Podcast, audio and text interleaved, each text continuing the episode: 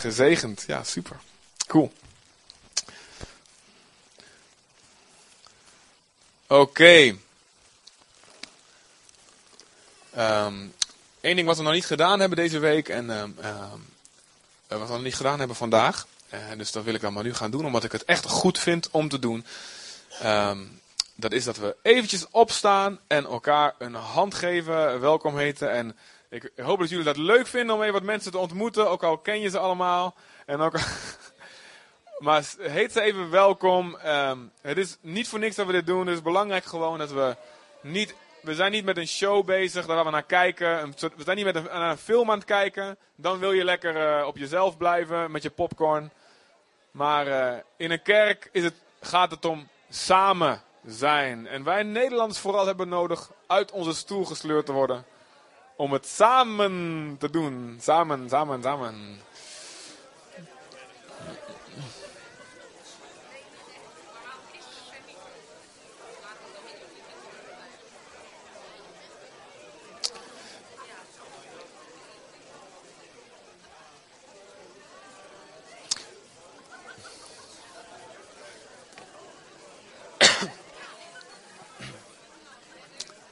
Okay. Wat zijn ze weer lief vandaag?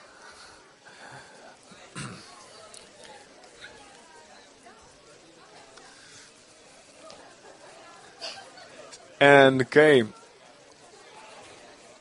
Nou, je mogen zo heerlijk verder gaan met elkaar na de dienst. Um, ik wil iedereen, vaste bezoekers, vaste klanten ook speciaal vragen. Om altijd, zoals elke week, om uh, extra veel aandacht te geven aan nieuwe mensen die er vandaag zijn, nieuwe gezichten die je ziet, dat je ze extra welkom heet. Hè? Dat we de eerste tijd na de dienst eventjes niet met onze bekende vrienden praten in onze groepjes, maar dat we ook uh, uh, gasten een extra warm welkom heten. Zullen we dat doen, jongens? Mag ik een amen horen als jullie dat willen doen? Amen, oké. Ik wil met jullie uh, twee teksten lezen uit Colossense. Colossensen. En het is een, um, een brief in het Nieuwe Testament ergens, ja, ergens in het midden van het Nieuwe Testament moet je ongeveer zijn. Colossense, en het komt ook op het scherm als het allemaal lukt. Lukt dat? Yes, Colossense 2 vers 19. En uh, onze, onze grote oprichter en, uh, en goeroe Wilkin, die heeft een boek geschreven, Bevrijd van banden. Wie heeft dat boek gelezen, Bevrijd van banden? Wie, um, nou, ik ga daar vandaag keihard tegenin, want ik ga um, vandaag zeggen dat we de banden steviger moeten maken. Het is allemaal niet verklappen aan Wilkin dat ik dit preek. Nee, dat mag je niet verklappen, gewoon. Heb ik, dat is gewoon de afspraak. Oké, okay, Colossense 2, vers 19. Daar staat. Nou, dat gaat over bepaalde mensen die niet goed bezig zijn, dus de context. Maar waar het om gaat is vanaf het woordje hoofd. Het hoofd is Jezus. Uh, zoals je weet, de, de kerk wordt wel uitgebeeld als het lichaam van Jezus. En uh, de Bijbel zegt dat Jezus het hoofd is. Nou, het hoofd, daar gebeurt het allemaal. Hè? Die stuurt het aan, die, zegt, dit wil ik doen. Um, en de rest van het lichaam, als het goed is, reageert hij. Ja, toch? Behalve als je een, ja, een verlamde arm bent en als je een beetje ongehoorzaam bent, ja, dan kan Jezus minder doen dan dat hij eigenlijk zou willen. Maar goed, Jezus is het hoofd van waaruit God het hele lichaam door gewrichts, wat staat daar? Door gewrichts, banden en pezen ondersteunt en bijeengehouden doet groeien. Dus het lichaam van Jezus heeft gewrichts. Het, het lichaam van Jezus, de kerk, heeft banden. Oké, dan wil ik even gaan naar een één hoofdstukje verder in uh, eh, 3 vers 14. 3 vers 14, dus van 2 vers 19 gaan we naar 3 vers 14. Zelfde brief. En die bedoeling van die brieven eigenlijk, eh, die werden vroeger gewoon in zijn geheel voorgelezen in de kerk. Dat was gewoon de preek. Je krijgt gewoon een brief voorgelezen. Um, maar nu zijn we iets verder van die tijd af, dus we hebben we wat meer uitleg nodig. Toen begrepen ze dat in één keer. Maar ja, er is wat tijd overheen gegaan, een andere cultuur. Dus, is, dus ja, nu doen we dat een beetje anders. Maar dit is eigenlijk uit dezelfde preek dus van Paulus aan de kerk in de stad Colosse. Bovenal bekleedt u in de liefde. Dat is de. Dat is de 1, 2. Van die u tot een volmaakte eenheid maakt. Dus twee keer hebben we het woord band gehoord, een gewrichtsband uh, die in je lichaam zit. Dus die verbindt de onderdelen met elkaar. Ik ben geen, geen, geen anatoom, hoe heet het, anatomist? An ik ben geen anatoom figuur. Dus ik weet niet precies hoe dat allemaal in elkaar zit. Ik heb wel eens van die enge plaatjes gezien van, van die spieren en zo. Dat vond ik altijd veel te eng eruit zien. Ik kan niet tegen bloed en operaties. Mijn vrouw weet alles van. Zij kijkt dan, zij wil me trainen. Kijk maar, doe maar je ogen open. Ik zeg nee, nee, doe me niet. Dus ik weet niet hoe het van binnen eruit ziet, zeg maar. Ik vind het al eng als ik een stuk vlees zie hangen in de supermarkt. Zo in Spanje zie je van die, van die koeien. Ah.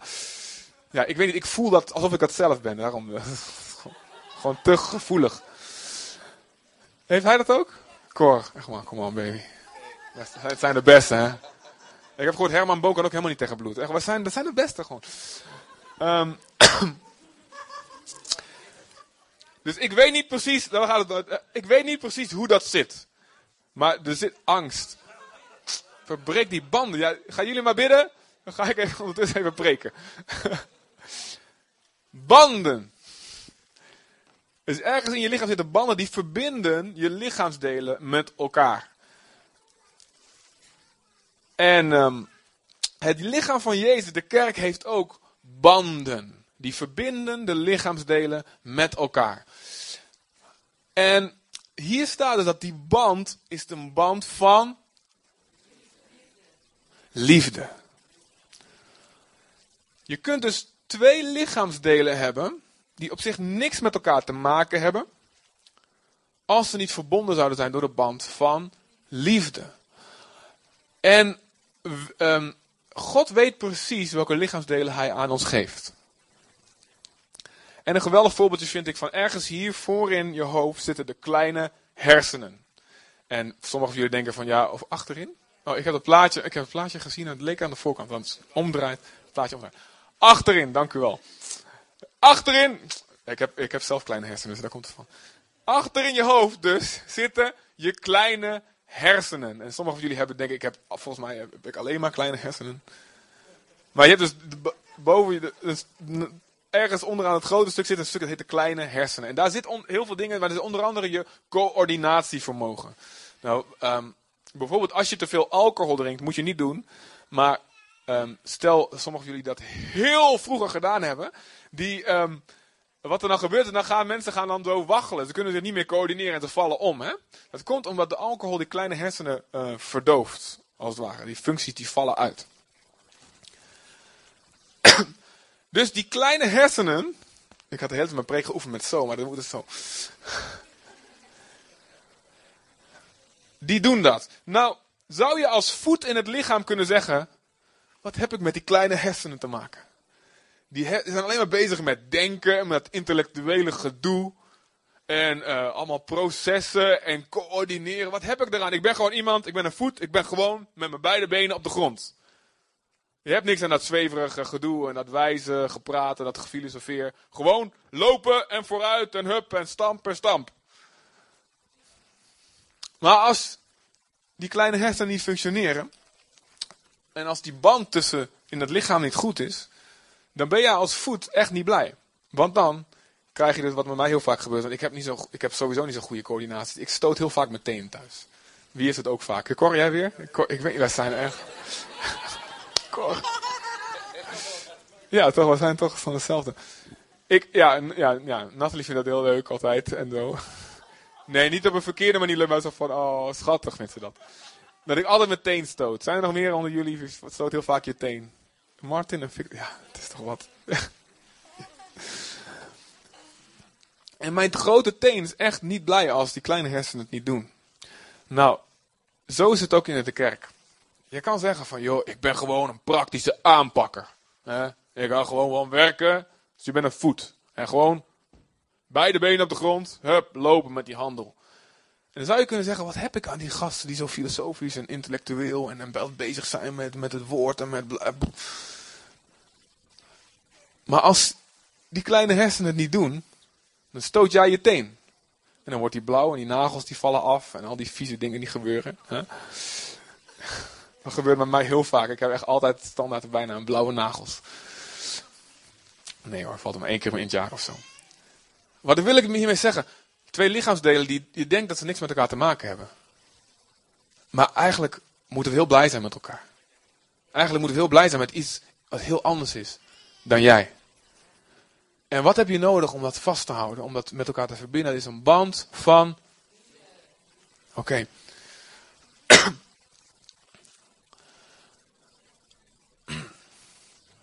We hebben vorige week geweldig subliem gehoord. Ik heb genoten van Jan Willem.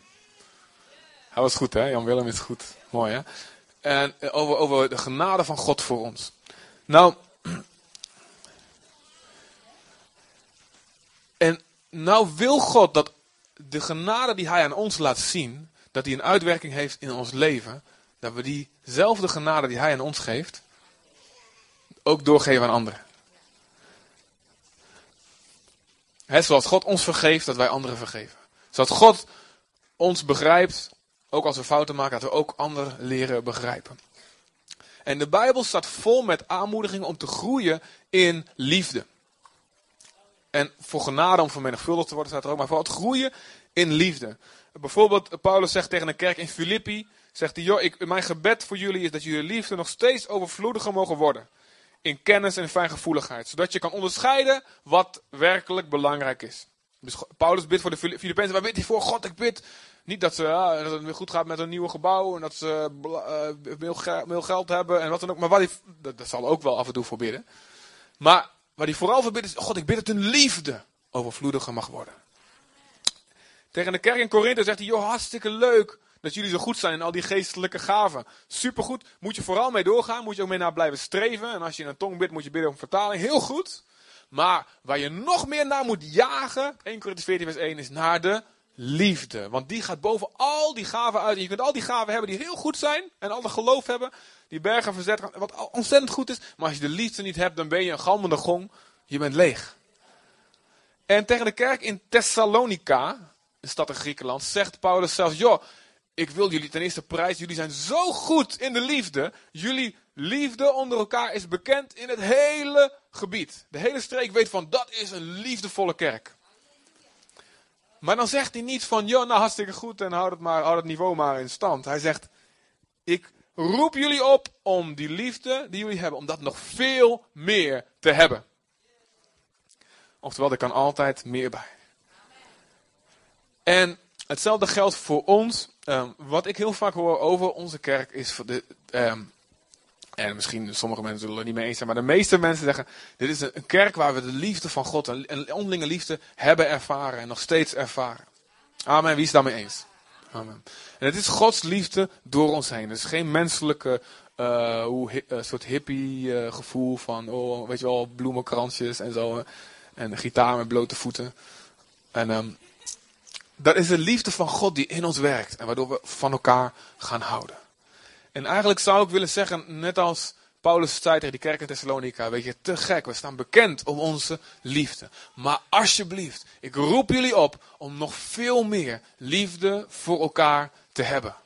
Om nog veel meer genade naar elkaar te tonen en daarna, niet alleen naar elkaar, maar ook naar de hele wereld toe.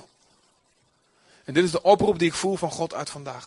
Laten we meer liefde hebben voor elkaar.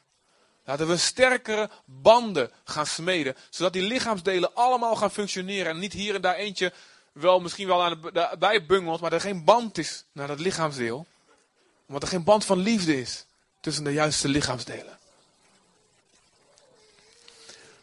En we hebben dat nodig om te groeien. We hebben nu op papier, ehm, we houden dat een beetje stiekem op de achtergrond bij. We hebben 228 eh, mensen, inclusief kinderen. En het is te gek. Ehm, als iedereen elke week zou komen, zouden we ook niet in die grote zaal passen. Er zitten ongeveer 200 stoelen. Um, en dan ook nog niet eens gasten bij gerekend. Dus vandaar, je ziet ook dat we een grotere zaal nodig hebben. En weet je, willen we doorgroeien? En dat willen we, want uh, getallen zijn belangrijk in de ogen van God. Elk getal is een kostbaar persoon. En we moeten niet kijken naar wat er binnen is. We moeten kijken naar de mensen die God nog niet kennen. En die nog het licht nodig hebben. En die nog hoop en liefde nodig hebben. Dat is het getal waar we ons moeten, op moeten focussen. Dus dan zijn we nog lang niet klaar. Maar, dus willen we meer aankunnen. Dan kunnen, we kunnen, of zouden op verschillende manieren kunnen groeien. We zouden kunnen groeien door mensen bijvoorbeeld, uh, ik heb gehoord van kerken die dat doen, die verloten auto's in de dienst. Goed idee, wie wil zijn auto beschikbaar stellen? Hij past niet hiervoor aan, helaas. Gaat niet? We zouden mensen geld kunnen geven. Joh, ik geef je 100 euro als je komt bij ons in de kerk. Daar zou je een volle zaal mee kunnen trekken. Is dat de bedoeling van God? Nee, want ze komen met, het verkeer, met een andere motivatie. Hè? We zouden kunnen doen door een geweldige, uh, goed onze show uit te werken. Um, en daar is best wat voor te zeggen. En ik geloof dat we met, het, met, ja, met de groei van de gemeente ook best mogen streven naar meer uitmuntendheid. En dat we, dat we gewoon een hogere kwaliteit van alles. Er is niks mis mee, hartstikke goed. En ik denk dat we ons beste voor God moeten geven. Dus daar gaan we zeker voor. Maar het allerbelangrijkste waar de Bijbel over spreekt. Van de manier waarop een kerk zou moeten groeien, is door liefde. Door te groeien in liefde naar elkaar. Dat betekent dat de liefde die een kerk heeft om 200 mensen succesvol te hebben en, en, en, en goede relaties en, en succesvol in stand te houden eigenlijk. Dat is, dat is geweldig voor die fase, maar dat is niet genoeg voor willen we 300 mensen herbergen. En willen we 500 mensen hebben, dan zouden, zullen we nog meer moeten groeien in liefde. Als we het niet op al die andere manieren in de eerste plaats willen doen namelijk. Hè? Snap je? Dus wij, wij zullen allemaal individueel en als groep moeten groeien in die banden van de liefde. Amen. Dat betekent dat we allemaal al die uitdaging persoonlijk voor ons moeten zien van God, ik moet groeien in liefde. Ik dank u voor de liefde die ik heb gehad tot nu toe. Ik dank u voor de, voor de genade die ik naar andere mensen heb gehad tot nu toe. Maar ik moet dus gaan groeien in die genade. Ik moet dus gaan groeien in die liefde. Dat betekent dat ik ook moet gaan groeien in hoe, hoeveel liefde ik van u van boven ervaar. En hoeveel genade ik voel dat ik van u krijg. Want dat is de motor van dat ik genade en liefde naar andere mensen kan hebben. En als we dat allemaal persoonlijk, en als, en als gezinnen, en als, en als twaalfgroepen, en als kerk, als, als we dat gaan doen, dan zullen we, zullen ons hart ruimer worden. En Paulus roept ook de Corinthiërs op in 2 Korinthe 6 vers speaking, 13. Joh, laat je hart ruimer worden. Je hart is te eng nog. En dat heeft niks te maken met dat er, dat allemaal spoken en de vampieren en zo in zitten. Maar je hart is te, te, te nauw, bedoelt hij daarmee. Je hart moet ruimer worden. Maak je hart ruimer. Kies ervoor je hart ruimer te laten worden, zodat er meer mensen inpassen. Echt inpassen. 1 Petrus 4 vers 8 staat, heb boven, voor alles heb vurige liefde voor elkaar. En dat woord vurig, dat betekent eigenlijk liefde die, die tot zijn maximale potentieel is uitgerekt. Als een spier. Hè? Ik weet niet hoe hoog jullie benen kan allemaal. Maar mijn, mijn been kan nog zo hoog. Misschien kan hij nog een stukje hoger. Maar als ik, als ik dat hoger wil, als ik zo'n soort van karatentrap uh, tot hier of zo wil doen. Eh, dan, dan moet ik mijn spieren uitrekken. Nou, hetzelfde geldt ook dus voor onze liefde. We zullen onze liefde moeten gaan uitrekken. Dat betekent net een stukje verder dan eigenlijk comfortabel voor je is. Moet je liefde gaan tonen voor elkaar. Het geldt niet alleen voor een kerk, het geldt ook voor je bedrijf. Of voor, een, voor je familie. Of voor een organisatie. Alles waarvoor je een team nodig hebt. Alles waarvoor je mensen hebt, nodig hebt die samenwerken. Je zult moeten groeien in liefde als je dat vast wilt houden. Tenzij je bijvoorbeeld een dik salaris kan geven. Oké, dan komen ze voor een dikke salaris. Dat kan soms in een bedrijf. Dan kun je ze andere motivaties geven om samen te werken. Nou, ik vind de sfeer verrot hè, en die baas, verkeer. Maar goed, ik krijg een dik salaris, dan blijf ik maar. Zelfs dan zul je merken, je kunt niet iets blijvends bouwen. Je zult moeten groeien in hoeveel je aan kan in liefde, in relaties, in omgaan met mensen. Hetzelfde in je familie. Waar dan ook. Jezus, oké, hoe doen we dat nou? Wat voor stappen, wat voor stappen, wat voor niveaus van liefde zijn er nou eigenlijk? Nou, ik wil het gewoon heel eenvoudig houden. Um, Jezus zegt ten eerste, Matthäus um, Matthäus 5 vers 46. En misschien kun je die laten zien, Henry.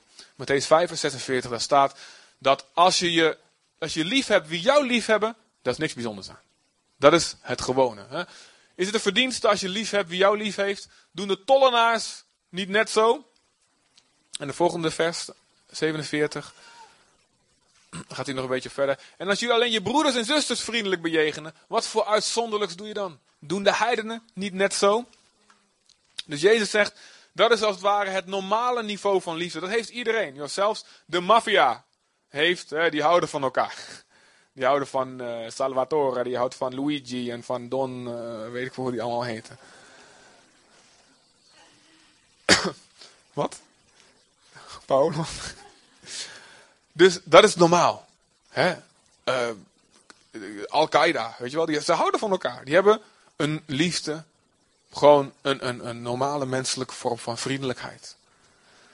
Dus dat is niet het doel. Dat is niet, dat is niet iets, wat ons bijzonder zal maken. Ten, God, roept, God roept ons op om daar bovenuit te gaan. En de eerste stap die daar bovenuit gaat is de broederliefde.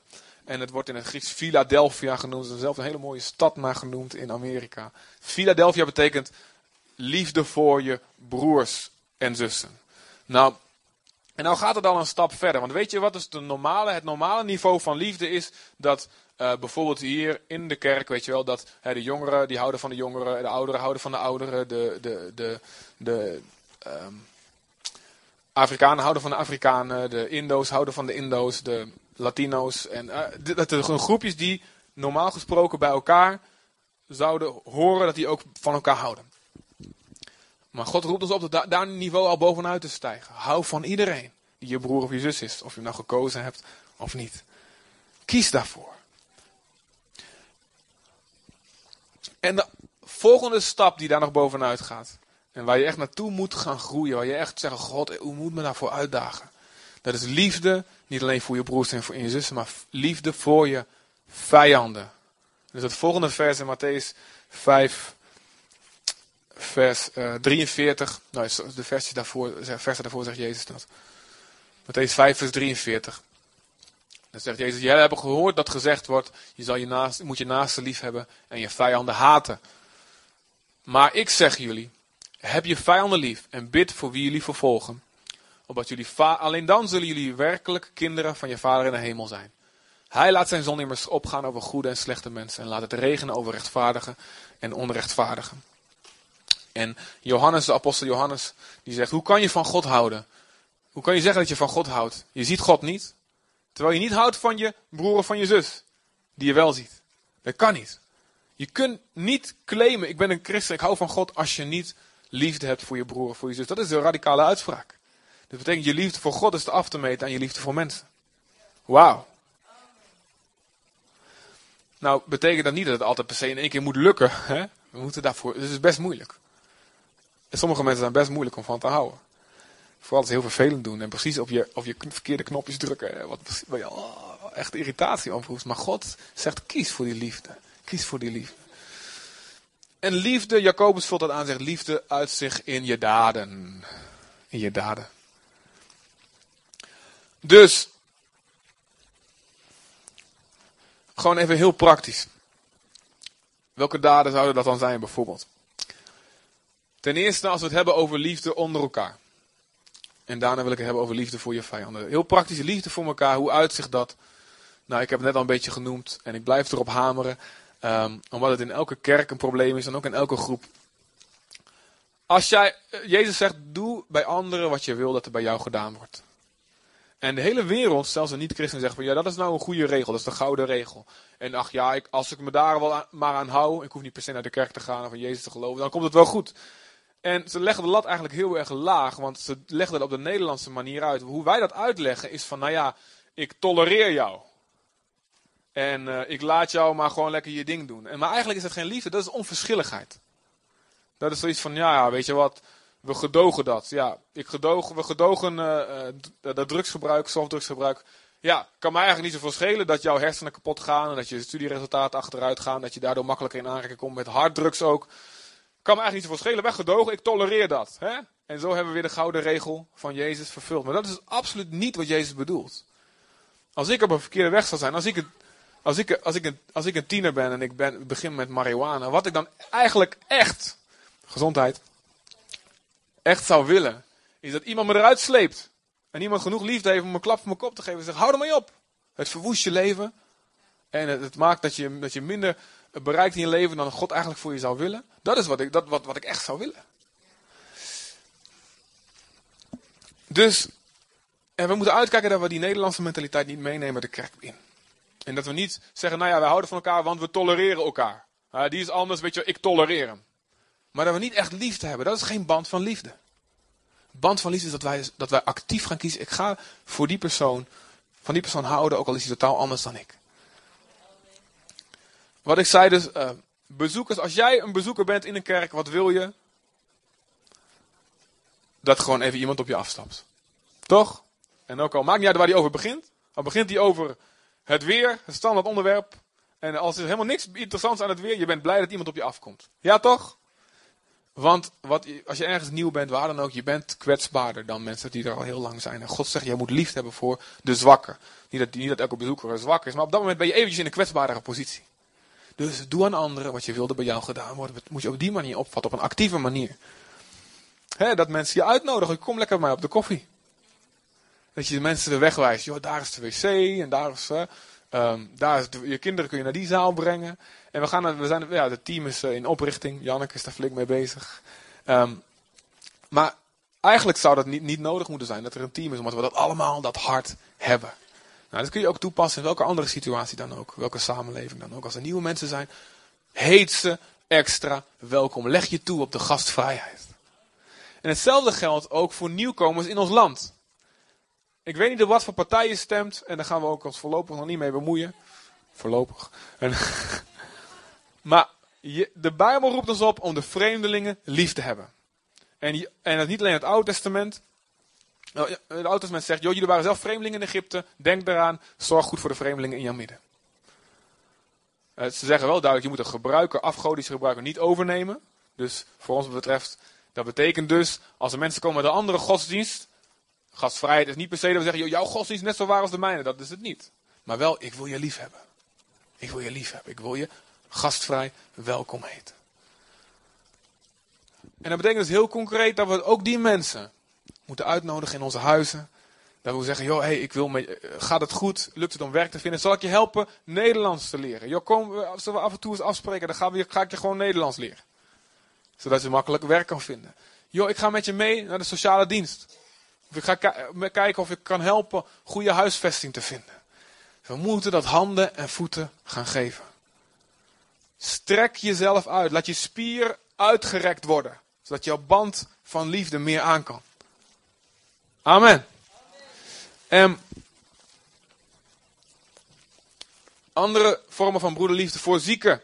Jezus noemt ze heel specifiek. Ook in Matthäus 25. Ik was ziek en je hebt me opgezocht. Opzoeken. Aandacht geven. Kaartjes, bloemetje, wat voor de dingen dan ook.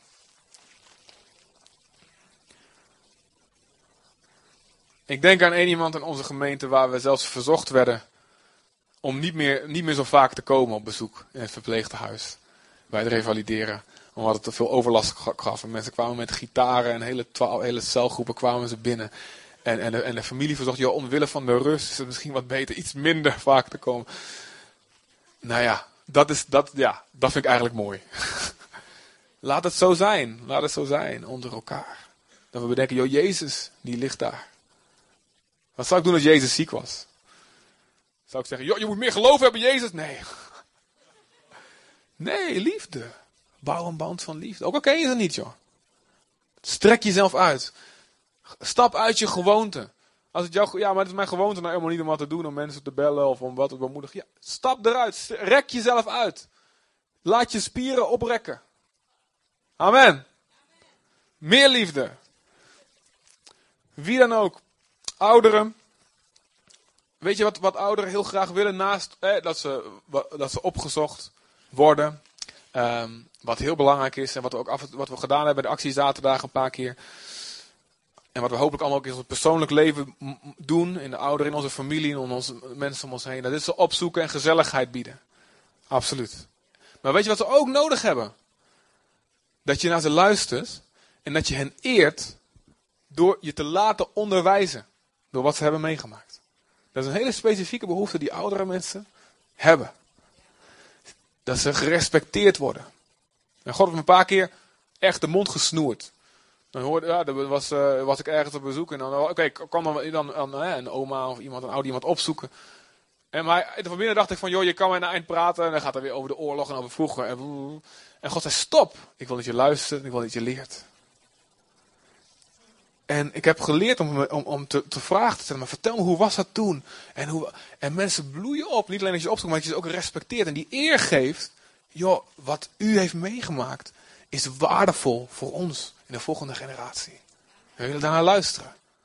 Amen. Ja, ouderen onder ons, als je het aangesproken voelt. Ja toch? Amen.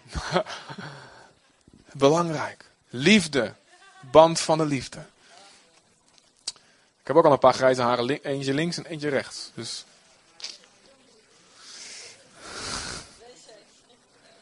Volgend jaar ben ik ouder dan Jezus. Op de aarde, in het vlees. Hè?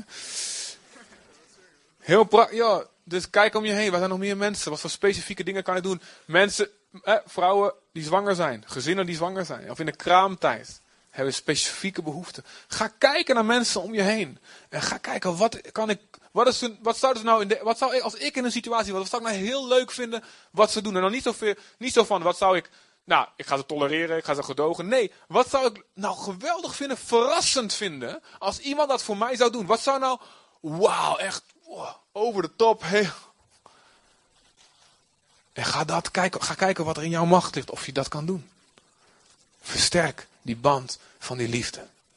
Weet je wat, hoe krachtig dat kan zijn? Mensen die iemand verloren hebben.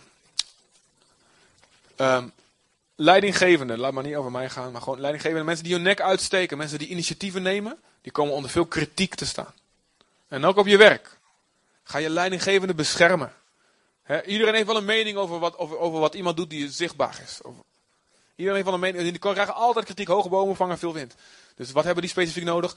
Een specifieke bemoediging. Hey, ik vind het zo geweldig. Dit, noem op wat je mooi vindt, wat je goed vindt. Bescherm ze. Verdedig ze. Want die mensen stellen zich kwetsbaar op door uit te stappen en dingen te doen. En hetzelfde geldt voor mensen die heel hard werken achter de schermen. Waar hebben die behoefte aan? Dat ze gezien worden. Gewoon, hé hey joh, te gek, ik zie dat je elke week dit doet. Versterk die band van de liefde. En vooral als je het nooit doet, joh, word wakker. Word wakker. Laat van jou, jij als lichaamsdeel een band gaan naar een ander lichaamsdeel.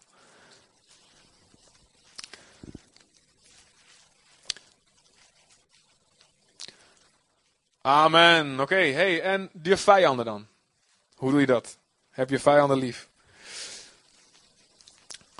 Nou, mensen die niet per se een vijand zijn, maar, maar wat je wel heel erg raar kan, kan zijn. De mensen die, dat, zijn, dat zijn altijd mensen die in een totaal andere wereld leven als wij, ja toch? En dan zijn er dan broers en zussen en je denkt van, wat moet ik daar nou mee? Maar goed, het is mijn broer of zus. Nou ja. Liefde bouwt bruggen. Die uitspraak hebben we misschien wel eens gehoord. Liefde bouwt bruggen. Dus bouw jij een brug naar iemand die je niet begrijpt. Nodig je mensen uit bij je op de koffie of voor, voor het eten of, of om wat leuks te gaan doen. Alleen mensen die precies als jij zijn. Of ook mensen die totaal anders zijn. Om eens te kijken hoe kan ik ze leren begrijpen. Mensen die met een andere persoonlijkheid hebben. Mensen met een andere leeftijd. Of van een andere cultuur. Bouw een brug. Versterk die banden. En als je elkaar niet begrijpt, heb je ook heel makkelijk misverstanden en conflicten. Iemand zegt wat geks en voordat je gaat oordelen, ga die persoon leren kennen. Weet je, er zit altijd een reden achter waarom mensen iets doen. En, of niet doen, of laten. En leer die reden kennen. Zelfs als het echt iets echt fouts is. Heel vaak trekken we een conclusie dat iemand iets doet om een bepaalde reden. We vullen in wat we niet weten. Onze gedachten vullen dat in. Maar leer die persoon kennen. En ik heb het zelf ook meegemaakt, joh. Ehm, en ook in deze kerk maak ik het mee. mensen met wie, die allemaal, bijvoorbeeld die dingen wat ik, die ik zeg, helemaal verkeerd begrijpen. Of, of zij zeggen iets en dan denk ik van, nou, dat is wel heel erg raar. Dat is wel heel erg ongeestelijk type, weet je wel. En dan merk ik dat, dat, dat, dat ik allemaal conclusies voor mezelf gevormd heb van, nou, die persoon, weet je wel, een beetje ontwijken of die is een beetje moeilijk of raar. En dan ben ik zo blij dat God me dan soms dwingt, en soms door een conflict, of een groot misverstand wat uit de hand dreigt te lopen, dwingt hij me om aan tafel te gaan zitten met die mensen. Is dat niet leuk? En dan zegt God heel vaak tegen me, stil, luisteren. Oké, okay, luisteren. Want de Bijbel zegt, een dwaas is hij die antwoord geeft voordat hij heeft gehoord. Maar wij doen dat heel vaak. We geven of hardop of in onze gedachten geven een antwoord. Die doet dit en dat omdat hij gewoon een eikel, uh, een, uh, een sufkop is. En we moeten leren niet die antwoorden te geven voordat we gehoord hebben. Soms kom je uiteindelijk tot die conclusie dat een persoon inderdaad niet betrouwbaar is. Dat kan. Dat kan. Maar we moeten zeker weten dat we eerst goed geluisterd hebben. En die persoon kansen gegeven hebben. En een brug gebouwd hebben. En hier, dit zijn de dingen waarin het heel vaak misgaat. En ook bij ons in de gemeente. We zijn daarbij niet, niet, daarin niet extra slecht of zo. Het gebeurt overal. En ik vind dat we het nog aardig goed doen. Maar ik moet zeggen, joh, we zijn als, als, als, als, hè, als oudstel, als, als uh, twaalfleiders, toch behoorlijk wat bezig met bemiddelen en, en dingen, weet je wel, mensen helpen elkaar te leren begrijpen. En dat is goed, dat is ook onze rol, zalig de vredestichters. Maar het is zo belangrijk dat, je, dat wij voor onszelf ook zeggen, God, ik wil dat u me leert. Ik wil volwassener worden in hoe ik kijk naar mensen. Ik wil leren te begrijpen, ik wil leren eerst te luisteren voordat ik een antwoord geef.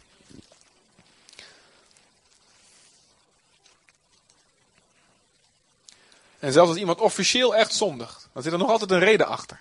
Het is geen smoesje ervoor, dat ze ermee door kunnen gaan, absoluut niet. De Bijbel zegt, daar moeten we zeker wat van zeggen. Maar luister eerst. Ga zeggen, joh, hey, ik heb dit nu gezien en, en ik, mijn conclusie, ik kan niet anders tot de conclusie komen, volgens mij is het dit en dat en dat. En ja, als ik, als, ik, als ik Gods woord lees, dan denk ik dat het echt, echt niet kan.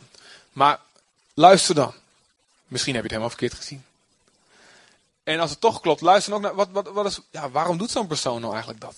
Doet die persoon dat omdat hij echt slecht is? Of is er gewoon een stukje behoefte in zijn leven wat niet vervuld is? En waardoor hij verkeerde keuzes maakt en met een verkeerde manier op probeert te vullen. Laten we groeien in die genade naar elkaar toe. Weet je waarom? Weet je waarom Jezus zo fel was op de fariseeërs? De fariseeërs, de religieuze mensen van zijn tijd. Wat zij deden, ze zeiden voortdurend de mensen, dit moet je doen, dit moet je doen. En dat waren eigenlijk goede dingen die ze zeiden. De meeste dingen waren goede regels. Alleen het verschil was, zij zeiden om met de vinger te wijzen, terwijl het Gods hart is om die mensen die het allemaal niet kunnen halen, om die te helpen. Naast ze te gaan staan en zeggen, ik zie dat dit niet lukt in je leven. Ik wil nu naast je gaan staan, zoals God het met ons doet. Zijn we niet dankbaar dat God het bij ons gedaan heeft toen wij verkeerde dingen deden? Kwam hij naast ons staan. Vergaf hij ons. Hij gaf ons genade. Hij stierf voor ons toen wij nog helemaal niet, nog niet geïnteresseerd waren in hem. Hem niet zochten. Hij kwam naast ons staan en de Heilige Geest kwam in ons wonen. En zei, nu ga ik je helpen om andere keuzes te maken. Wie is blij dat God dat gedaan heeft in zijn leven? Laten we zo worden voor andere mensen. En als we iemand zien die niet goed bezig is, niet met de vinger wijzen en oordelen. Maar zeggen, weet je wat, ik ga bidden voor die persoon. Ik wil naast hem gaan staan, naast haar gaan staan. En kijken hoe we samen dit kunnen overwinnen. Ja, toch?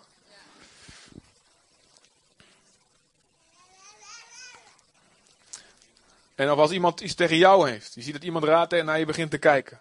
Gebeurt wel eens toch, hè? Je iemand, de ene keer zie je ze helemaal, oh, helemaal open. Die ogen zijn helemaal... En de keer daarna is het in één keer van, er is iets mis. Jezus zegt, joh, als je herinnert dat iemand iets tegen jou heeft, ga naar ze toe. Ga je verzoenen. Doe je best. Voor het ver van jou afhangt. Probeer toch ergens een opening te maken. Versterk die band van de liefde. Word niet boos als je hoort dat iemand boos op je is en dat je weet dat het onterecht is. Ik heb dat wel best wel vaak. Mensen, mensen dan, dan hoor ik, die en die is boos op je. Of die en die, die, die, die, die heeft dit en dat. En dan denk ik van, ja, mijn, eerste, mijn oude mens zegt dan van, ach, helemaal niks van waar en ik ben zo goed bezig en ik ben zo lief en alles. En altijd heilig is en nee, niet boos worden, weet je wel. Ga luisteren. Ga in gesprek. Heb geduld met mensen. Ook als ze allerlei verkeerde conclusies trekken, weet je wel. Ga luisteren.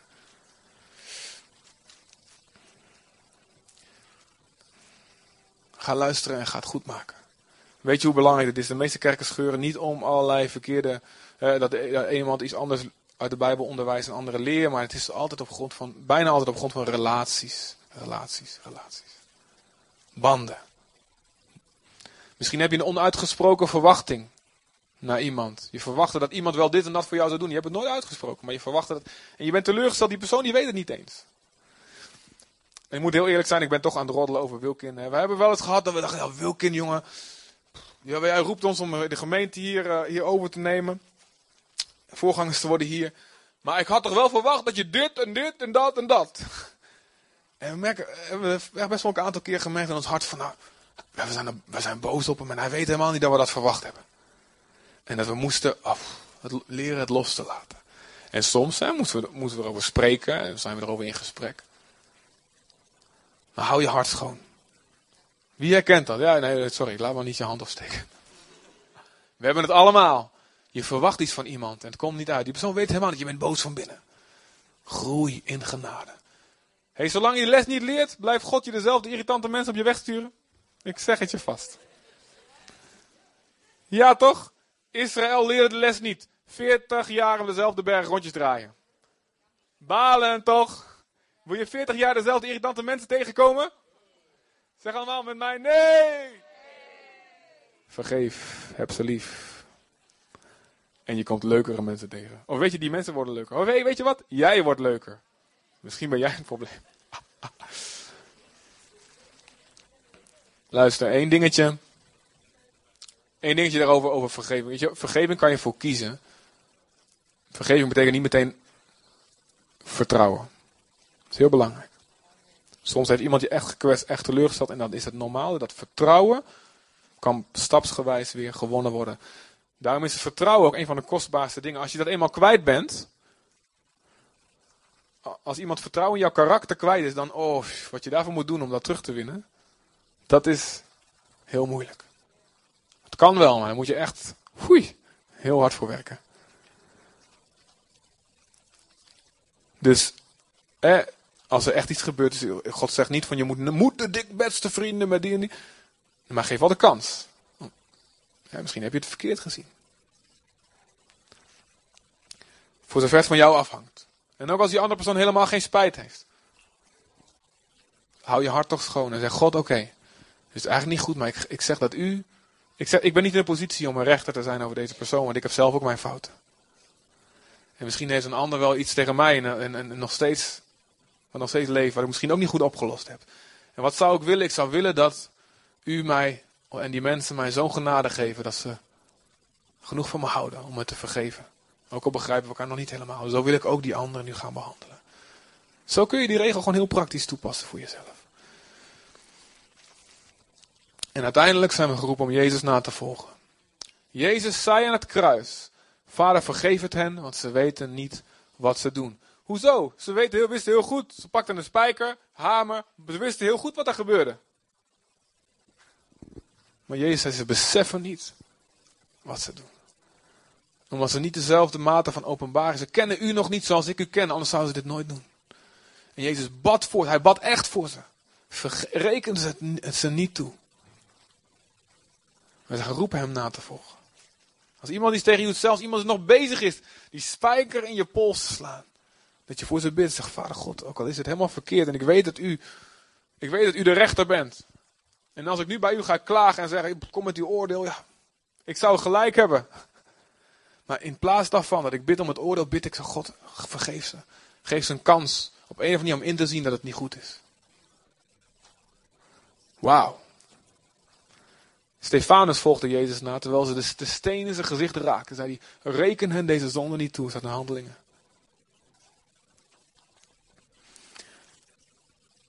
En de broer van Jezus, de halfbroer van Jezus, was, uh, Jezus had twee halfbroers die bekend waren. Waar Judas, die het kleine boekje Judas geschreven heeft, achter in de Bijbel. Niet de bekende Judas die Jezus verraden heeft.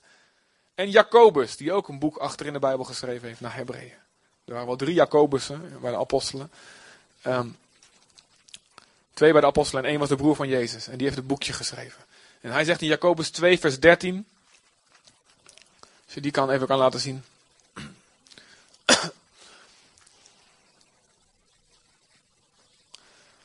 Dan zegt hij, onbarmhartig zal het oordeel uiteindelijk zijn over wie geen barmhartigheid zelf heeft bewezen.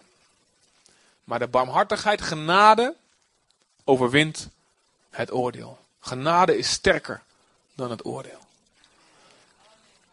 En hier zegt hij eigenlijk hetzelfde als wat zijn halfbroer, de Messias, zei. Als je wil dat God jou vergeeft, vergeef dan ook anderen.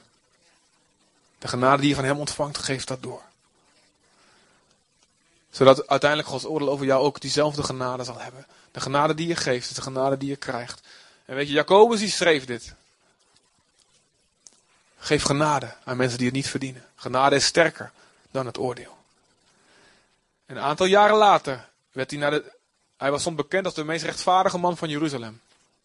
En zelfs de Joden die niet in Jezus geloofden, erkenden hem: dit is de rechtvaardigste man.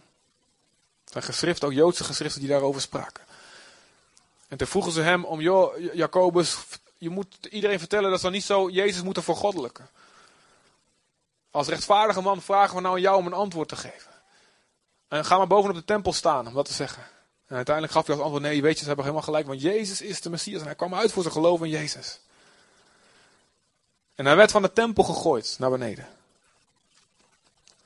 En hij was, ja, waarschijnlijk was wel alles gebroken, maar hij leefde nog toen hij beneden op de, op de grond lag. En ze begonnen stenen naar hem te gooien. Het is echt gebeurd. In het jaar 62 na Christus. Nadat, na Jezus geboorte. 32, ongeveer 30 jaar nadat Jezus een halfbroer gekruisigd was. En hij zegt, en op dat moment past hij zelf deze woorden toe die hij hier in dit boek geschreven heeft. Dat genade sterker is dan het oordeel. En terwijl ze de stenen gooien, hij doet hetzelfde als Stefanus deed, als wat Jezus deed. Hij bad, hij zegt, reken hen deze zonde niet toe. Hij bad voor die mensen. Want hij wist, met mij komt het goed. Ik ga naar mijn, mijn Heer. Maar deze mensen, ze hebben genade nodig. En uiteindelijk werd hij geslagen met een, een, een hele grote knuppel.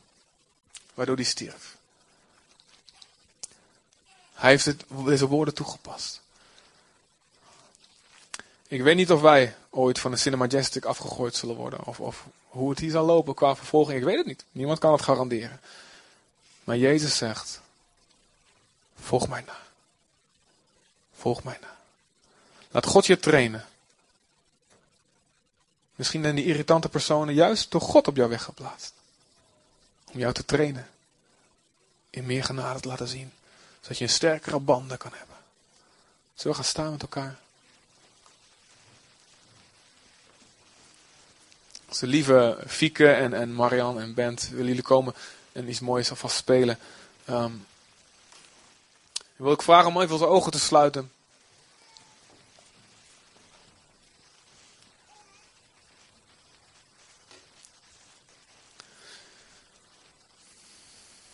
En um, ik wil God vragen dat hij een visioen geeft. Vader, geef ons nu even in een visioen de meest vervelende persoon in ons leven op dit moment. Misschien hoef je daar voor je ogen helemaal niet dicht te doen. Kun je gewoon naast je kijken. Ik... Nee hoor. Wie zou God wel eens in jouw leven kunnen gestuurd hebben om jou te doen groeien in liefde?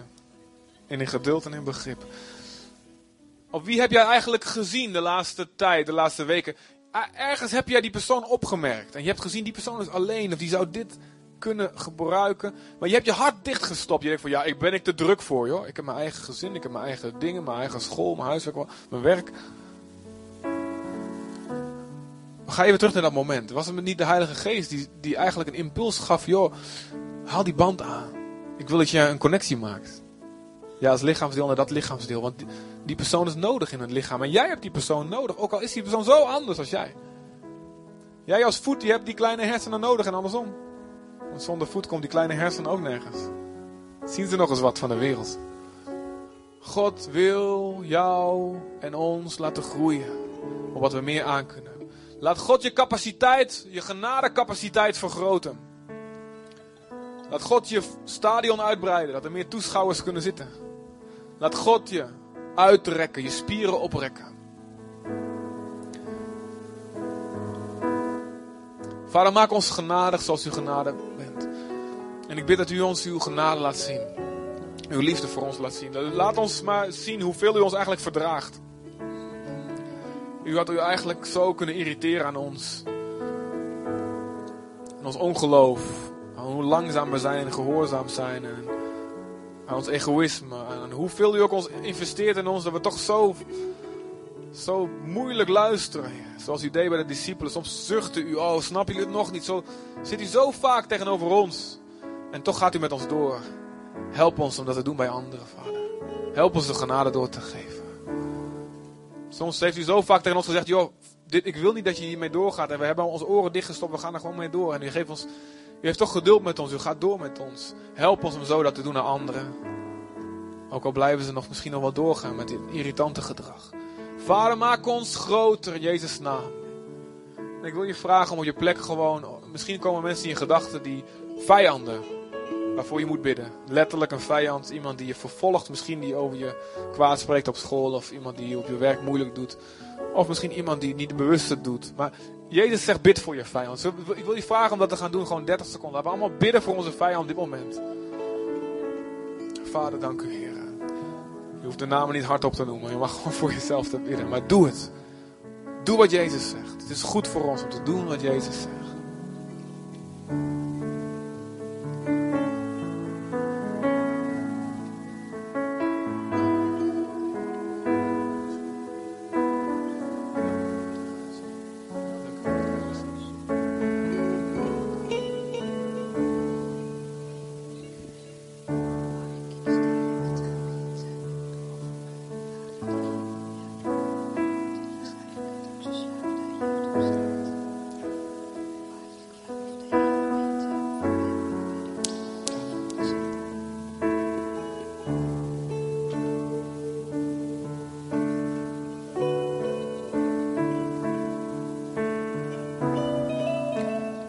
Echt genade te kunnen tonen, moeten we de genade van Jezus voortdurend voor ons zien. Als, als, als God ons zijn genade, zijn liefde niet had gegeven, hadden we geen voorbeeld, joh. Maar als Jezus ons leven binnenkomt, dan snappen we het. Dan krijgen we kracht om anderen te vergeven als Hij het ons, ons vergeeft. Zullen we daarom gewoon even in een lied onze focus op het kruis zetten. Dank u voor het kruis, Heer.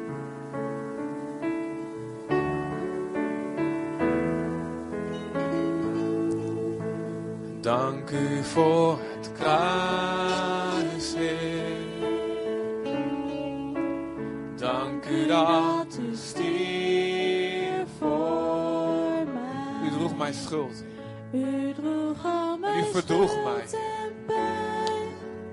Nu ben ik vrij. Dank u dat u me schoongemaakt heeft, Jezus. Liefde wast mij schoon. Dank u voor was een offer om mij lief te hebben. Dank u, Heer. Vastgenageld aan het kruis. Liefdevol vergeeft u mij. Liefdevol vergeeft u mij. U leeft in mij. Dank u wel. U bent waardig, waardig om te gehoorzamen, Jezus. Waardig is het land. Waardig om te volgen in uw vergeving. Dank u, Jezus. En u zal zegen vieren door ons heen. Dank u, Heer. Door uw liefde heen. Dank u, Jezus. Draagt u de hoogste kroon.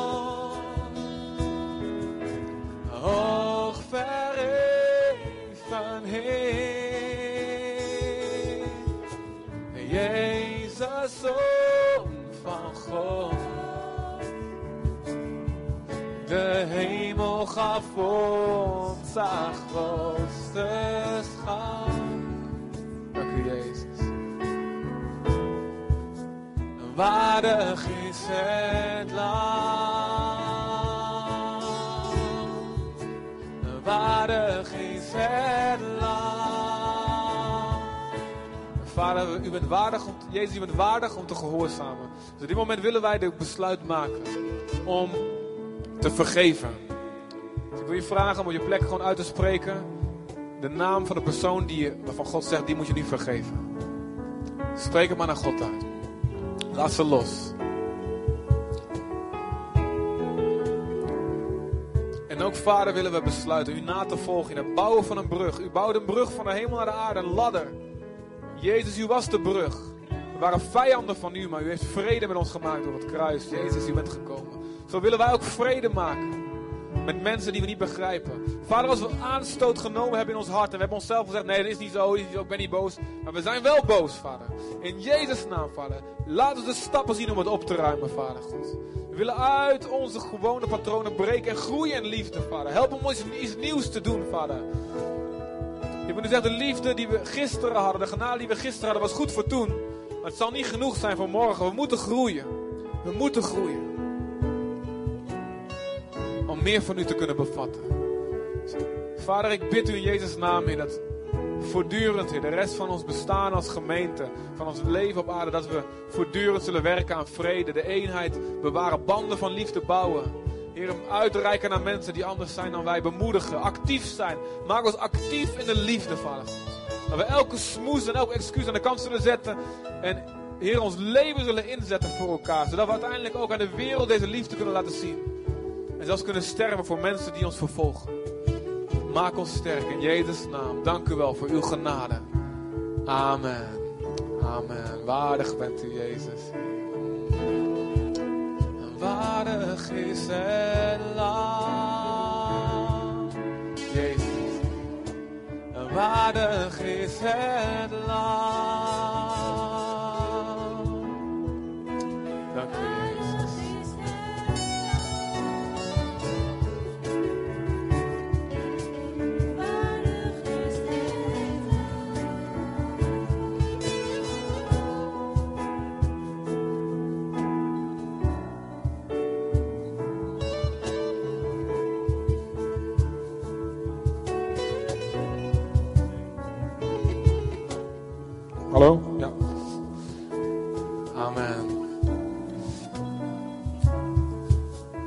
Amen. Gaan we groeien in liefde, jongens.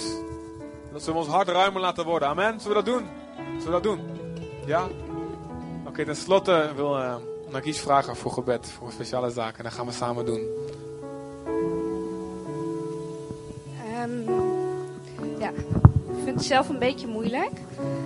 Ehm, voor de meeste mensen die mij goed kennen, die weten dat eh, mijn vader een drugsverslaafde is. En eh, door middel dat hij drugs heeft gebruikt, heeft hij zegt, eh, zijn gezin eh, mishandeld. En ehm, wij hebben ons dus afgesloten van mijn vader. En we hebben met z'n allen hem vergeven voor wat hij heeft gedaan. Ik heb hem ook vergeven. En door middel dat ik hem heb vergeven, heb ik juist heel veel liefde voor hem gekregen. En die liefde die zou ik zelf nooit van mezelf kunnen krijgen. Nou, eh, sinds gisteravond eh, denk ik veel aan mijn vader. Ik heb vannacht ook heel slecht geslapen. En eh, wat ik nu weet van mijn vader is dat hij ergens op straat zwerft in Apeldoorn. En ja, hij doet allerlei dingen om aan drugs te krijgen en te komen. Maar ik wil gewoon vragen aan de gemeente om voor hem te bidden, zodat de juiste mensen eh, op zijn pad komen. Want hij heeft gewoon Jezus nodig. Hij is op het moment is hij, hij heeft alles kwijt. En ehm, ja, ja, het is gewoon. Ja, en God houdt ook van hem, ondanks de dingen wat hij heeft gedaan. En eh, ja, Eh, Nant. Nant. Ja. Zullen we dat nu doen? Nathalie, wil je voor Zullen we samen bidden? Zullen we staan, jongens? Zullen we dit doen? Dit is meteen in de praktijk brengen. Wat het woord aan ons zegt.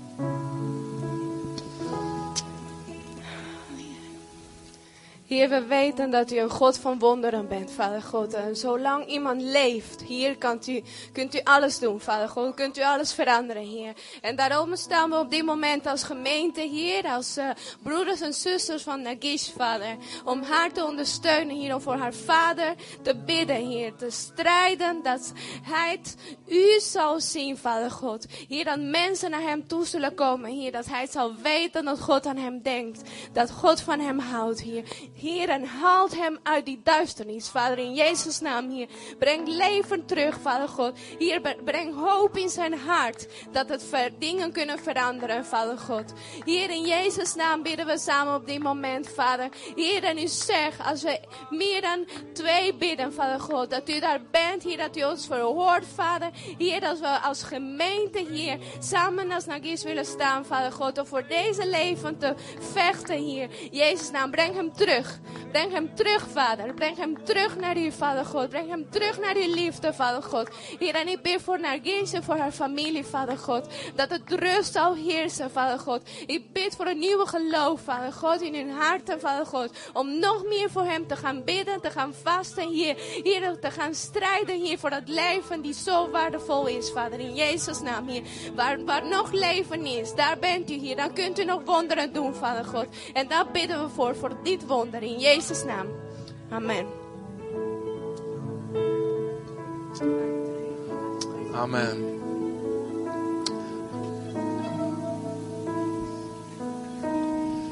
Ik wil graag met jullie samen verder bidden. Vader in de hemel, u hebt u zelf aan ons bekendgemaakt.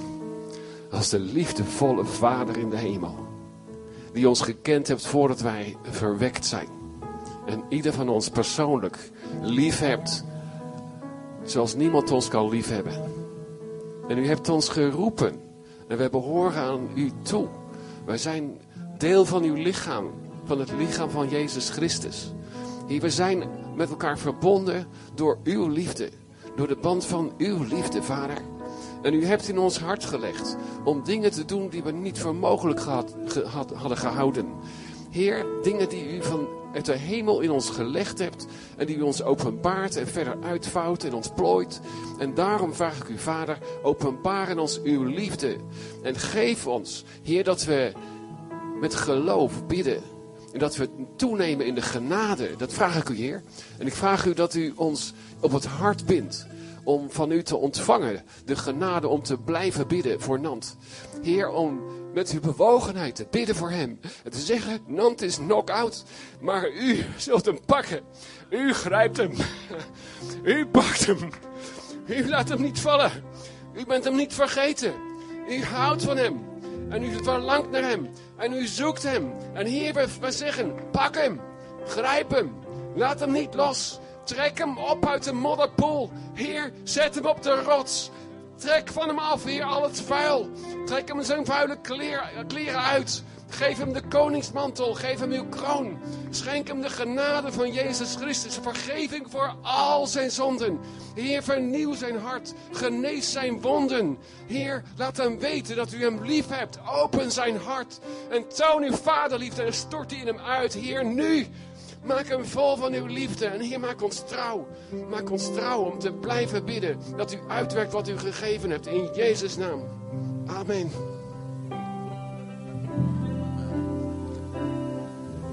Amen. Dank u wel, Heer Jezus. Dank u wel. Zullen we afsluiten met een lied, feestlied over de goedheid van God? Of laat het feest zijn in de huizen. Heel goed.